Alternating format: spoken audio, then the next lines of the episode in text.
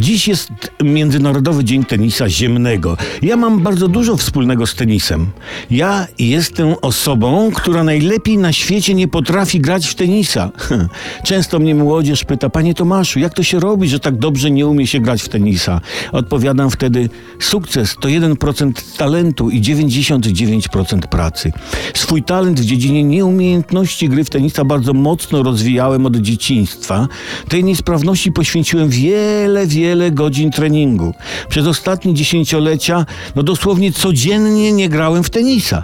Z kim ja nie grałem? Za Gasim nie grałem, z Radwańską nie grałem, z Diokowiciem nie grałem, ze Ścianą nie grałem. Poza tym E, wiecie, no, ja nie mogę grać na mączce. Musiałbym wymyślić tenis bezglutenowy, na kaszy jaglanej. Dopiero wtedy.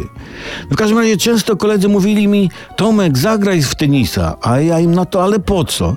Rozprostujesz sobie nogi. A co ja mam krzywe? Rozerwiesz się.